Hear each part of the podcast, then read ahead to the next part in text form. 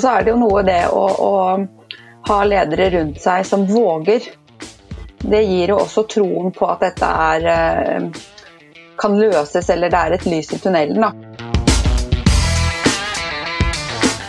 Velkommen til nok en ny episode av Deloitte-kast. Velkommen, Guro. Jo, velkommen til deg også, Andreas. Hallo. Jo, hjertelig Ja. takk. hjertelig takk. Og vi skal inn vi, har, vi er ikke helt ute av korona- eller covid-19-bobla ennå. Vi skal Nei, vi er ikke det. Nei, Men nå har jo barnehager og eh, i hvert fall eh, noen eh, skolebarn begynt, da. Så jeg tenker vi, er jo, hvert vi ser et lyspunkt i tunnelen, kanskje. ja, Det er jo altså, absolutt i koronakrisen. Produktiviteten i Norge har nå steget et par hakk, vil jeg tro nå. nå Ja. som, eh, Jeg kan i hvert fall skrive under på det for meg selv, i hvert fall. Ja, får, får gjort litt mer. Ja. Um, så det vi skal snakke om i dag, er jo altså, Vi kommer ikke unna av covid-19-situasjonen ennå. Uh, altså, det har jo påvirket samfunnet masse, og næringslivet selvfølgelig. Ehm, og da ikke minst lederne i denne situasjonen. Så hvordan takle dette her, eller hvordan har man taklet dette på, eh, ja, i denne veldig spesielle situasjonen? Og hvordan kan man takle det videre? For vi er jo ikke ferdig, det er ikke sant? Vi er midt i en uh, unntakssituasjon eller krise.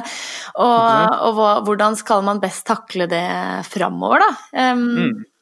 Så, Så det er egentlig motstandsdyktig ledelse da, som er eh, kanskje det temaet, eller resilient leadership, som Mm. vi skal komme inn på. Og, ja, og da har vi fått med oss eh, vår egen eh, sjef, eh, Guro. eh, Ja. Leder for eh, rådgivningsdelen i Deloitte. eh, Cecilia Flatte, velkommen. Tusen takk. Og så har vi jo med leder for HR-transformasjon i ja, vår Human Capital-avdeling, og klinisk psykolog Frøydis Høgseth. Yes. velkommen. Takk, takk. Um, kan vi ikke begynne først, bare før vi går inn i teori og alt det greiene her. Altså, som dere, dere er jo ledere begge to, Cecilia kanskje uh, hører fra deg, da. Som leder av uh, consulting i Deloitte Norge, hvordan har det vært å stå i denne litt spesielle situasjonen, for å si det mildt? Um, det er jo et stort spørsmål du stiller, Andreas. Det har jo vært en situasjon som har gått gjennom flere faser, vil jeg si. Uh, og sånn personlig så er det jo sånn at denne rollen har jeg hatt i ett år. Uh, og jeg har jo vært i roller før hvor jeg måtte håndtere vanskelige situasjoner, men det er vel første gang jeg har vært i en sånn situasjon som har vart si, såpass lenge med så mye usikkerhet. Og det å hele tiden eh, klare å eh, vite hva som kommer rundt neste sving, være tydelig, gi trygghet Eller ikke vite? Nei, ikke vite hva som, ikke vite hva som er bak neste sving. Det å gi liksom, trygghet til ansatte, til partnere. Det å være samtidig ute hos kunder og diskutere med de og hjelpe de, og samtidig håndtere egen organisasjon. Det er egentlig en ganske sånn, stor spagat. Men så er det litt sånn Mm. rart hvordan man eh, man må på en måte også bruke det man har i ryggsekken og bruke sitt sånn indre DNA som en rettesnor. Og eh, ja, finne steder hvor man får fylt på energi i en, eh, noen hverdager som har blitt litt lange. Har det vært, eh, altså, hva er det som har vært vanskelig, da? I lederrollen, da, først og fremst. Ja, jeg tror kanskje først så var det liksom å få oversikt over situasjonen. fordi jeg husker sånn veldig godt sånn det øyeblikket når jeg tenkte at nå, det som skjer nå, det er ganske dramatisk. Jeg gikk inn i et møte, og så kom jeg ut fire timer senere, og så møtte jeg han som er IT-sjef. Så sier han ja, hva gjør consulting? Nå har revisjon, de sender hjem alle ansatte på hjemmekontor. Så ble jeg sånn hæ? Er vi der? Skjedde det på fire timer? Og dagen etterpå var jo altså alle vi nesten 400 på hjemmekontor, og da var det jo helt naturlig. Eh, det at eh, vi jobber jo hele tiden med ulike scenarioer. Jeg tror ikke jeg har lest så mange aviser og rapporter og forstå. Og så samtidig, mange har jo vært veldig opptatt av den covid-19, men oljeprisen, kronekursen, det er jo liksom Mm. triple bam til Norge. Eh, så jeg tror kanskje det har vært noe av det som har vært krevende, fordi vi vet ikke helt hva som kommer. Men um, så syns jeg kanskje etter noen uker hvor det var litt sånn Hvor er vi, hvilken fot skal vi stå på? Så er det jo veldig sånn, godt som leder også å se hvordan organisasjonen eh, stepper opp. da, Fra den ganske nyansatte til de som har vært her i 30 år. Eh, både i forhold til at man ønsker å ta et eh, grep og sikre at man er der for både kunder og ansatte. Så eh, det å på en måte hele tiden balansere hva skal jeg fokus på nå, Eh, hvordan skal jeg kommunisere, hvordan skal jeg på en måte ha nok åpenhet når man selv ikke vet alle svarene. Det er vel noe av det som har vært eh, litt krevende. Så har jo Deloitte prøvd, prøvd, å hjelpe alle ledere der ute da, med noen eh, tips og noen eh, erfaringer rundt det å stå i utfordringene. og Da er resilient leadership eh, kanskje en av de viktigste. Så vil du bare fortelle kort om hva, hva går dette ut på? Ja, Resilient leadership det er jo ikke så å si, et nytt eh, begrep. Eh, og Det er eh, kanskje litt krevende å oversette direkte til norsk. For det handler jo både om hva skal jeg si, det å være motstandsdyktig, men det handler også vel så mye om å være tilpasningsdyktig. Og det å holde ut. Og vi jobber jo med resilient leadership gjennom hva skal jeg si, et slags en tilpasning hvor vi tenker at man står i en krise gjennom tre faser. Eh, vi står i det gjennom en respond-fase der hvor mange av oss er nå. Og det handler om hvordan man imøtekommer en krise sånn umiddelbart. Da. Eh, og ofte kanskje har et litt eh, kortere bilde. Man vil håndtere situasjonen der og da, sånn som Cecilia fortalte om. Altså må få et overblikk og forstå og når man har vært der en stund, så begynner man kanskje mer å eh, recover fra eh, ja, Hente seg inn igjen, lære av situasjonen eh, og kanskje begynne å finne gode løsninger. Og forhåpentlig så kommer alle ut i en eh, fase, den tredje fasen, hvor man eh, kanskje faktisk begynner å trives. Da. Og igjen, eh, eksempler fra Cecilia, det at man kanskje ikke kaster bort en krise og ser faktisk nye forretningsmuligheter. Og jeg tror der begynner også noen å snuse på ideer allerede. Eh, og jeg har jo hatt dialoger med, med klienter som sier at vi har, eh, vi har tatt kvantesteg inn i fremtiden eh, sammenlignet med, med hvor vi var. Så jeg tror eh, det er også interessant, selv om vi er midt oppi en krise, å tenke på hvordan denne krisen faktisk beveger et helt eh, globalt samfunn i en retning som kanskje på noen måter også er det til det gode, selv om det er tapsopplevelser i dette også. Mm. Eh, jeg leste blant annet Nei, unnskyld. Jeg skulle bare tilføye at jeg leste at Torgeir Waterhouse f.eks., som, ja. som jo fra jeg IKT Norge, sier at eh, vi har tatt 10-15 år eh, mm. steg inn i framtiden med liksom, digitale vaner da, mm. Mm. i Norge f.eks. Det er jo ganske mange år. Men ja, Frøydis, fortsett. Nei, jeg tenker jo at eh, ledere de, de befinner seg midt oppi alt dette her nå.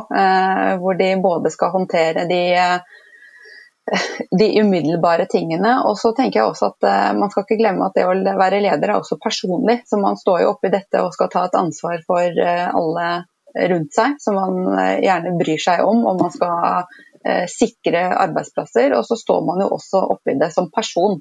Så å, leder, å være leder, det er alltid både business, og det er personlig, og det er relasjoner.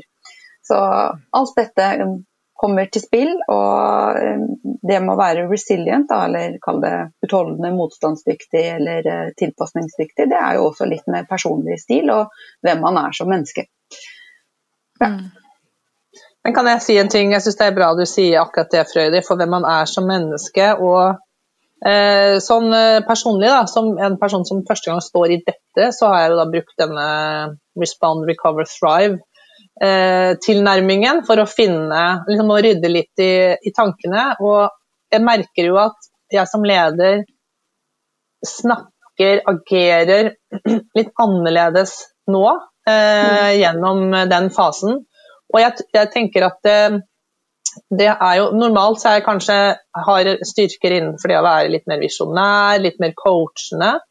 Eh, men akkurat nå så har det vært og Jeg har jo en idrettsbakgrunn, og når man går liksom inn i OL, da er det liksom Operational Committee som kjører. Tenker, eller, eller stridsledelse for de som liker militæret. Jeg er ikke så glad i militæret, så jeg liker heller den sportslige tilnærmingen til det. Cecilie er snowboardkjørere til alle lyttere og har vært eh, leder av Snowboardforbundet. Ja. derfor. Så, så, derfor har jeg den erfaringen med meg. og um, jeg merker at jeg har liksom kanskje tatt den lederstilen som heter liksom mer pace setter. I den ytterste enden så har du jo commanding, eh, der er ikke så mye da. Men den der, nå gjør vi sånn, nå skal vi gjøre sånn, vi skal ikke tenke på det. eh, blitt flinkere til å delegere. Dere tre i ledergruppa. Vi har jo også gjort om ledergruppa til eh, en liten gruppe som er sånn response team, mens de fleste da har et markedsfokus og jobber utad. Eh, så det har på en måte også vært Man på en måte finner nye sider ved seg selv.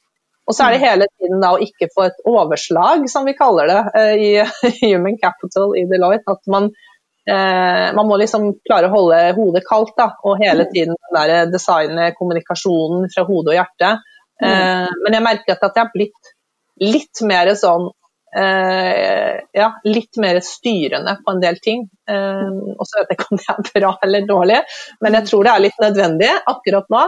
Og så må man på en måte, når man kommer ut i den thrive-fasen, som jeg gleder meg til, eh, balansere det litt til, eh, tilbake. Så det å hele tiden da ha hva skjer nå de neste ukene, neste månedene, men liksom ha ett øye da ut på den langsiktige strategien, eh, det har liksom vært noen eh, ja, refleksjoner som jeg har gjort i forhold til meg selv, da, hva, hvordan jeg agerer. Men en kommentar, en kommentar der til det å være, eh, hva skal jeg si, ta styring. Da. Det er jo også et grep i forhold til det med å være resilient, eh, tenker jeg. Fordi hvis, vi skal, hvis man skal tillate å være litt psykolog oppi det hele, da, så er det jo ekstremt viktig for de fleste mennesker å ha en slags forutsigbarhet og kontroll. Det er eh, viktige pilarer i alles liv. Og i en krise så mister du jo det litt. Så når man har tatt og tenkt nøye om hvordan skal vi imøtekomme denne situasjonen. Og så har man egentlig en eh, Tar man aksjon og forteller hva man skal gjøre, så gir det også oss rundt en, en eh, slags opplevelse av en forutsigbarhet og kontroll. Og det vil vi holde ved. Så det å se til lederen sin er jo noe man gjør i en uh, krise. Og så er jo det som er et annet element av det med å være resilient, nemlig det å være tilpasningsdyktig. Eh, en leder som er det, vil jo også kunne justere seg, selv om man har lagt en plan og sier at det er dit vi skal gå. Så kan man også hele tiden synliggjøre at man justerer seg når det kommer nye elementer inn. Så jeg liker det, Cecilie, at du legger litt, eh, litt planer som gjør at det føles litt trygt, dette her også. Takk. Det blir, blir, litt sånn her, Så lenge det skjer noe, så føler man at man har kontroll på det. Ja. Det er jo en del forskning på det, faktisk, som, eh, som så på, på en måte opplevd Hva var det de så på, da? Eh, motivasjon tror jeg faktisk var hoved... Mm. Så, og bare det at man endret lyset, gjorde at man følte at man ble mer motivert. Fordi, fordi noen endret omstendighetene, noe mm. skjedde. Mm. Og Det er kanskje viktig å bare kommunisere det seg selv, at vi jobber med saken. Vi gjør det. Ja. Mm. Jeg lurte på, For å forstå resilient leadership-begrepet enda bedre, da. For man snakker jo også om kriseledelse i denne tiden. Hva er egentlig forskjellen på kriseledelse og det vi snakker om nå med resilient leadership? Mm, altså, du vil jo kunne bruke, bruke resilient leadership inn i en kriseledelse også. Ja. Uh, men uh, kriseledelse er mer umiddelbart. Ja. Eh, Blir det litt mer den commanding-biten som Cecilia var inne på, eller? Ja, da kjører du litt mer commanding. Eh, det gjør du jo. Eh, men også, bare for å gjøre det mer komplekst, da. Kriseledelse i en krisesituasjon eller en beredskapssituasjon, så vil det jo også kunne oppstå spontane eller nye ting som gjør at du må justere på kriseplanene dine. Eh, men noe av det første man gjør i en eh, eh, krisesituasjon, er jo å legge en plan. Og så justerer man planen underveis. Så jeg vil si at du bruker elementer av resilient leadership, men krise, da er du, og kriseledelse er ofte i en mer umiddelbar tidlig fase av en krise. Dette er en mm. krise som strekker seg over tid, kanskje år. Og det er noe helt annet enn det å håndtere en akutt krise, la oss si eh, Brann eller Brann eller andre ting. Det er to forskjellige ting. Er, du vet at det vil, en, det vil slutte på et tidspunkt. Her sitter vi i en krisesituasjon hvor vi faktisk har null eh, anelse om når krisen slutter. Mm. Enn så lenge. Mm. Jeg tenker at det er jo, eh, hvert fall sånn som jeg opplever det, kriseledelse akkurat nå, så er det litt jeg var inne på, at man går inn, får oversikt, restrukturerer, hvordan man rett og slett driver organisasjonen sin. At eh, man gjør litt endringer på lederstrukturen. Eh, og at man ikke minst jobber mye med scenarioer. Eh, liksom, hva skjer de neste 12-18 månedene? ender vi der eller der eller der. Og det er noe som vi ser at også alle, mange av kundene våre etterspør. fordi mm. Og Det tenker jeg er liksom en viktig del av den uh, kriseledelsen, at man liksom hele tiden prøver å finne hva er veien til det normalen. Og så tenker Resilient leadership, det er jo en del kapabiliteter og evner der som jeg tenker alle ledere bør streve å utvikle og uh, bruke. Men uh, kanskje ekstra viktig når det stormer. Både vi ja.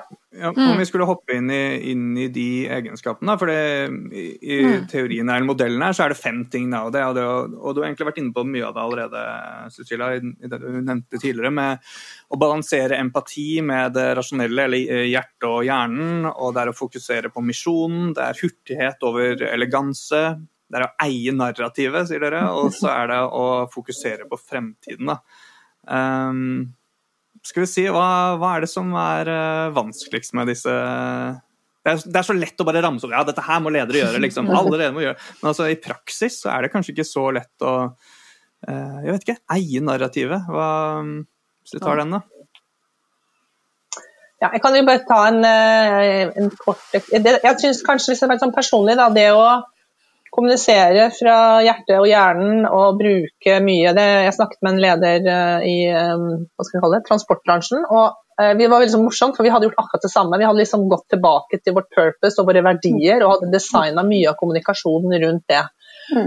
Men du klarer ikke å eie narrativet, for du kommuniserer, men i dag alle snakker med alle, det er sosiale medier, det går rykter. og jeg hadde en historie hvor jeg en kveld fikk en melding fra en eh, ansatt som skrev eh, Cecilia, det går falske rykter om Deloitte på eh, Jodel. Og da eide vi ikke narrativet. Og da var jeg sånn Hva er Jodel? Jeg visste ikke hva det var engang, jeg. Det vet dere sikkert, Andreas og Guro. Så ja, gammel, jeg. Ja, ja, alle som har hørt om det. Visste hva det var. Det er, jo... det, er jo en, For de som lytter ja. og ikke vet hva det er, så ja. er det jo en sosiale medieplattform hvor man kan dele korte posts helt anonymt. Det er umulig å vite hvem som poster. Uh, ja. Og der var det noen som på, for å være veldig morsom da, hadde begynt å skrive at det var Deloitte og EU at vi hadde kansellert nyansattkontrakter, og det skapte masse furore.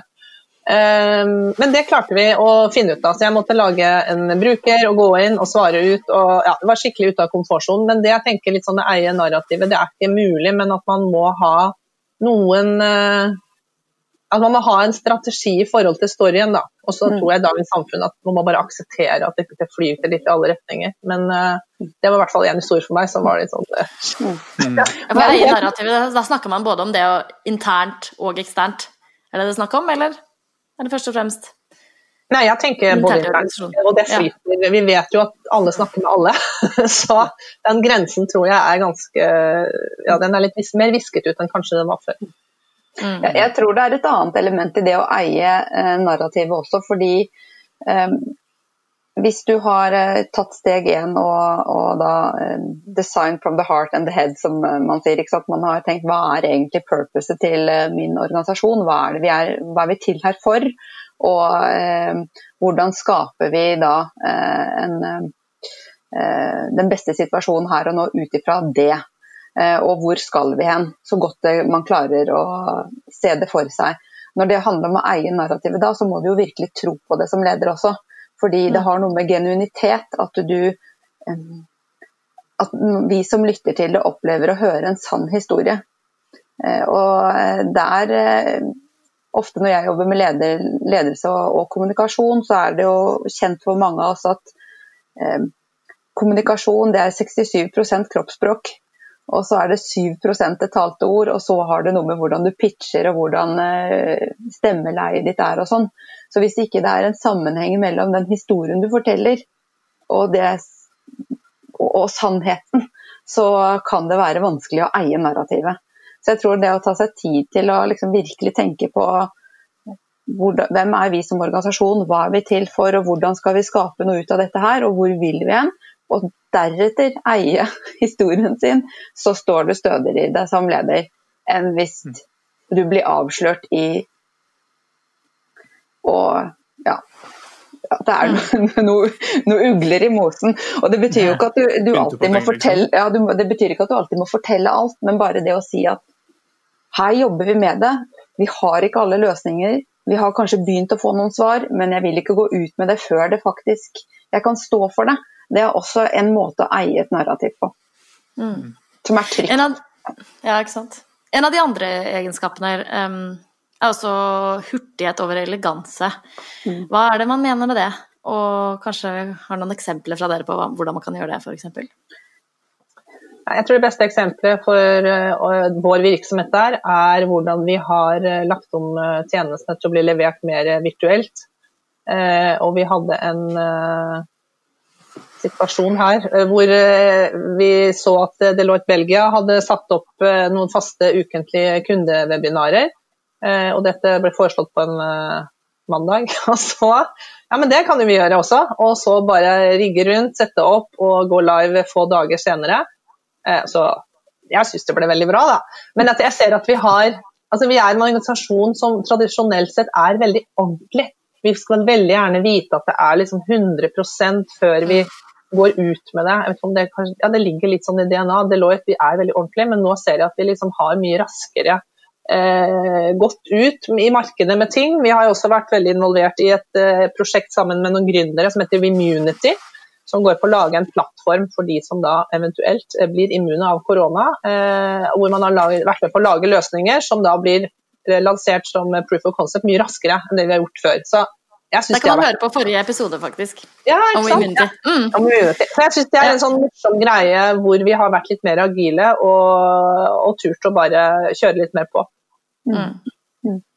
Og så er det jo noe det å, å ha ledere rundt seg som våger det gir jo også troen på at dette er, eh, kan løses, eller det er et lys i tunnelen. Hvis, det, hvis, vi da hadde hatt et lederskap som da var eh, helt passiv, nesten, fordi at det hadde blitt opplevd sånn fordi at man skal være så sikker i alt man gjør før man eh, kan eh, kaste seg utpå, så hadde det også skapt en utrygghet.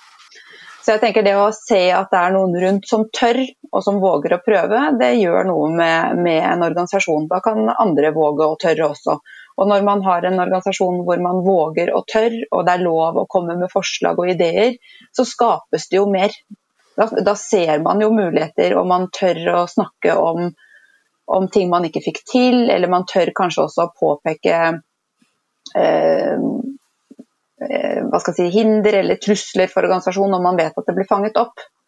Så eh, det å ta tak i ting eh, og sette i gang med noe er bedre enn det å bare la det være. Mm. Så får man heller tolke at det var en feil.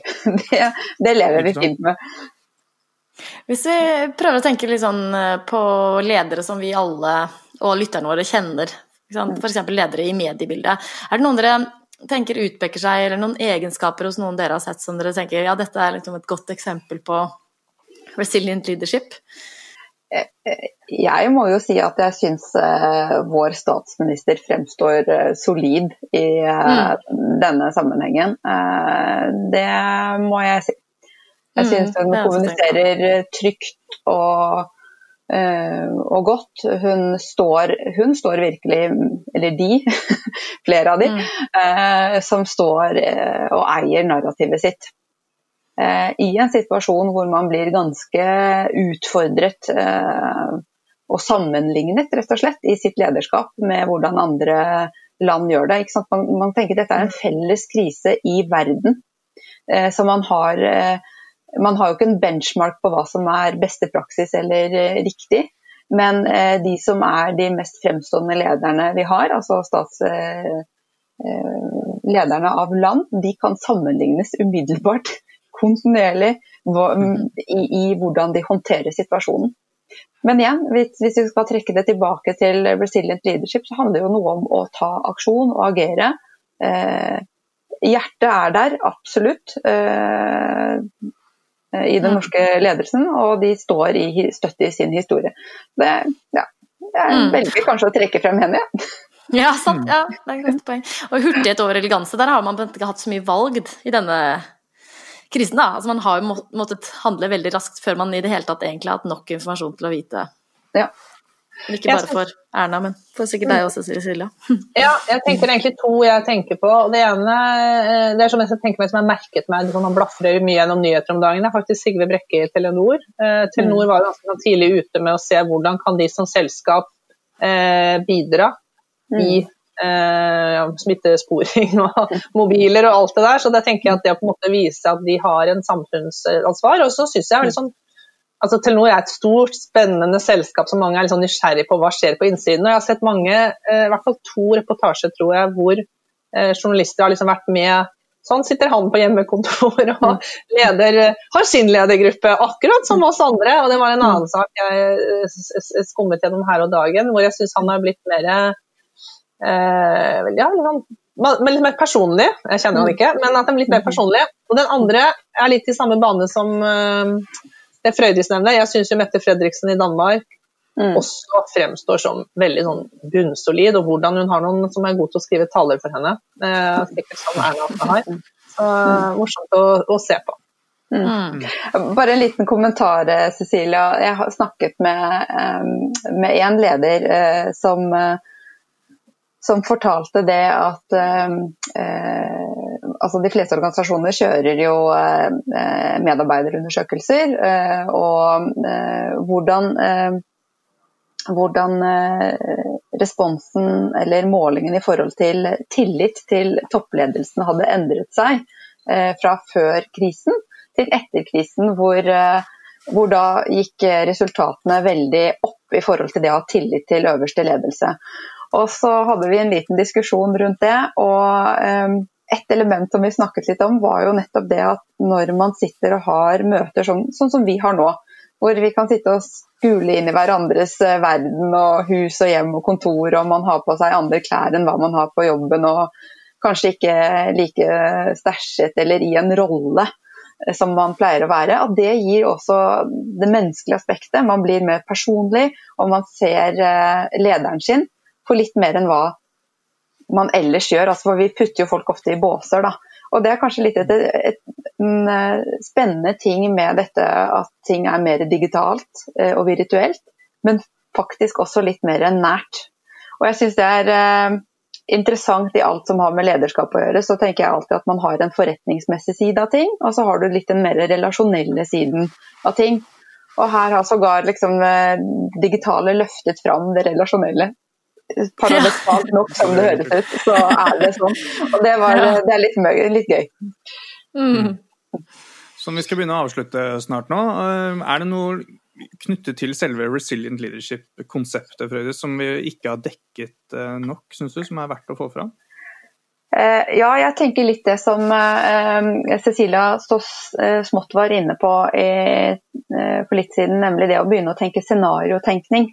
Eh, det er også en veldig eh, Selv om det handler om å håndtere situasjonen, tilpasse seg underveis, reise seg når man får noen fall, eh, være transparent og menneskelig i det hele, så handler det også noe om å begynne å se framover. Sånn at man nettopp klarer å balansere det med å være her og nå, men også se hva er mulighetsrommet, hva er fremtiden, og også tegne opp den for organisasjonen sin. Så jeg tror vi kommer til å se mer av eh, det å bruke scenariotenkning og også data eh, i, for å kunne se inn i framtiden nå, enn hva vi har gjort før. Så vi går fra å tenke best case, worst case scenario eh, og håndtere det, til å mye mer tenke aktiv scenario og planlegging. Det, det, er jo egentlig et fag eh, og en eh, måte å jobbe på som vi har eh, ganske mye erfaring med i, i Deloitte. Og Guro har til og med jobba store prosjekter med strategi knytta til scenarioplanlegging. Mm. Det skal, vi, det skal, vi, høre mer om i en senere episode. Men, mm. hva var det jeg tenkte på? At, jo, altså nå går vi kanskje ut av den verste fasen, virker det som. Man begynner å slippe opp litt, i hvert fall. og smitte raten er på et uh, godt nivå. Betyr det at vi går inn i recover-fasen og snart skal begynne å thrive igjen, eller hvordan uh, Hvor ligger det an? Jeg vet ikke hva du tenker om det, Cecilia, men jeg tror der er selskaper uh, ulikt. de har kommet på forskjellige, i forskjellige faser, og noen kommer kanskje som konsekvenser av det som har skjedd, så kommer man inn i de ulike fasene på ulikt tidspunkt. Så ja. Det gjenstår å se. Det, altså, jeg tenker at eh, det er et veldig godt poeng, Andreas. fordi Det som er litt krevende nå, er jo at samfunnet åpner opp. Eh, man tenker at nå er det over. Det er jo absolutt ikke over. Mm. Og Jeg leste på morgenen i dag en kronikk av Eirik Amundsen, som er professor på Universitetet i Bergen. og han snakker om det, og Dette er jo akkurat det vi snakker om scenarioplanlegging. Vil det bli en sånn V-recovery, eller U, eller L? Ja. Mm. Eh, og selv om samfunnet åpner opp, så for norsk økonomi, der tror man jo ingen jeg leser som tror at vi får en sånn V-recovery. Eh, og så får vi gjøre det vi kan for at det ikke skal bli en L, som betyr at det liksom flater ut og det blir en eh, dyp nedgang og en resesjon, men at man Mm.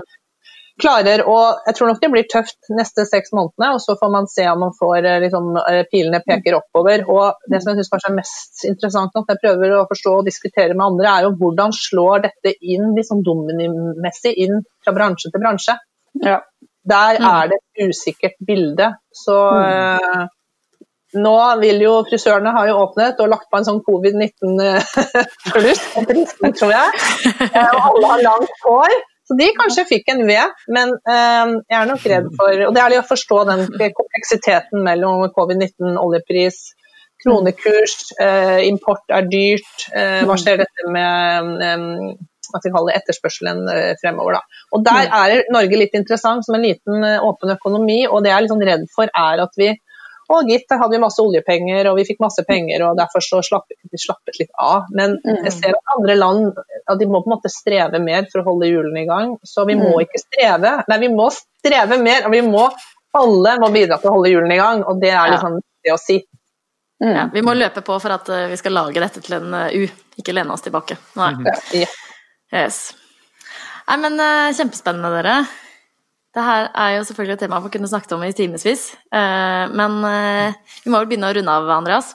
Ja, vi må vel, eh, må vel det, så jeg syns det har vært fint å høre om hvordan man kan altså, Spesielt det med å eie narrativet er jo interessant. da, og, og, fokusere på tiden videre, knytte det her hele opp mot uh, misjonen. altså Hva er det vi egentlig prøver å oppnå i vår organisasjon? Det er også utrolig interessant og viktig poeng at eh, man ikke bare gjør, eh, setter i gang tiltak eh, helt sånn hytt og pine, men tenker hvem er vi egentlig, og hva er det vi prøver å få til, og hvorfor er vi her? Så um, eh, Nei, veldig spennende. Jeg vet ikke om du har noe mer å tilføye, Guro? Nei, jeg syns det var også gøy ja, reflektere rundt det her med hvordan man balanserer hodet og hjertet. At det hjertet er ganske viktig å se hjertet til lederen også i en, en fase som det her. Ikke sant? Være, vise sårbarhet, men samtidig være handlekraftig og komme med tydelige, gode tiltak. Og, ja, nei, det, det må ha vært en krevende situasjon å være i. og Jeg har jo stått litt på utsida i pappaperm og ikke fulgt, fulgt helt med, bare levd livet. Så det har vært interessant å se, komme, komme tilbake og se. Så jeg tror vi skal bare runde av der. ja, Ja. Tusen takk for Tusen tiden takk. Frøydis og Cecilia. Selv takk. så for eh, dere som lytter, bare sende inn tips om dere skulle ha det, til podcast.deloitte.no. Mm, vi kommer en ny episode om eh, to uker. Det gjør vi. Eh, Torsdager som vanlig, så håper vi at dere lytter inn da. Og så får vi si som vi pleier å si, at vi høres. Vi høres.